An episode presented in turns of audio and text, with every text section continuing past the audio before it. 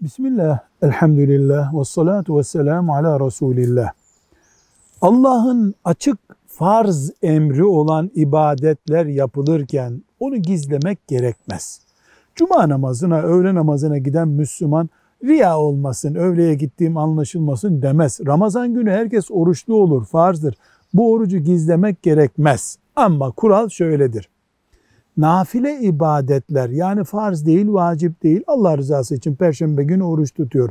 Gece kalkıp teheccüd kılıyor. Buna nafile ibadet diyoruz. Bu ibadetleri teşhir etmemek kabul olması açısından çok daha makbuldür. Gece teheccüde kalkıp sabahleyin bu gece çok uygun var teheccüde kalktım demek bir ihtimal o teheccüdü yiyip bitirebilir. Nafile ibadetleri Allah ile kul arasına gizlemek lazım. Sadaka olur ve benzeri ibadet. Farz ibadetlerde ise gizlemeye gerek yok. Hatta onları teşhir etmek lazım ki mümin toplum içerisinde güç kazansın Allah'ın farzları. Velhamdülillahi Rabbil Alemin.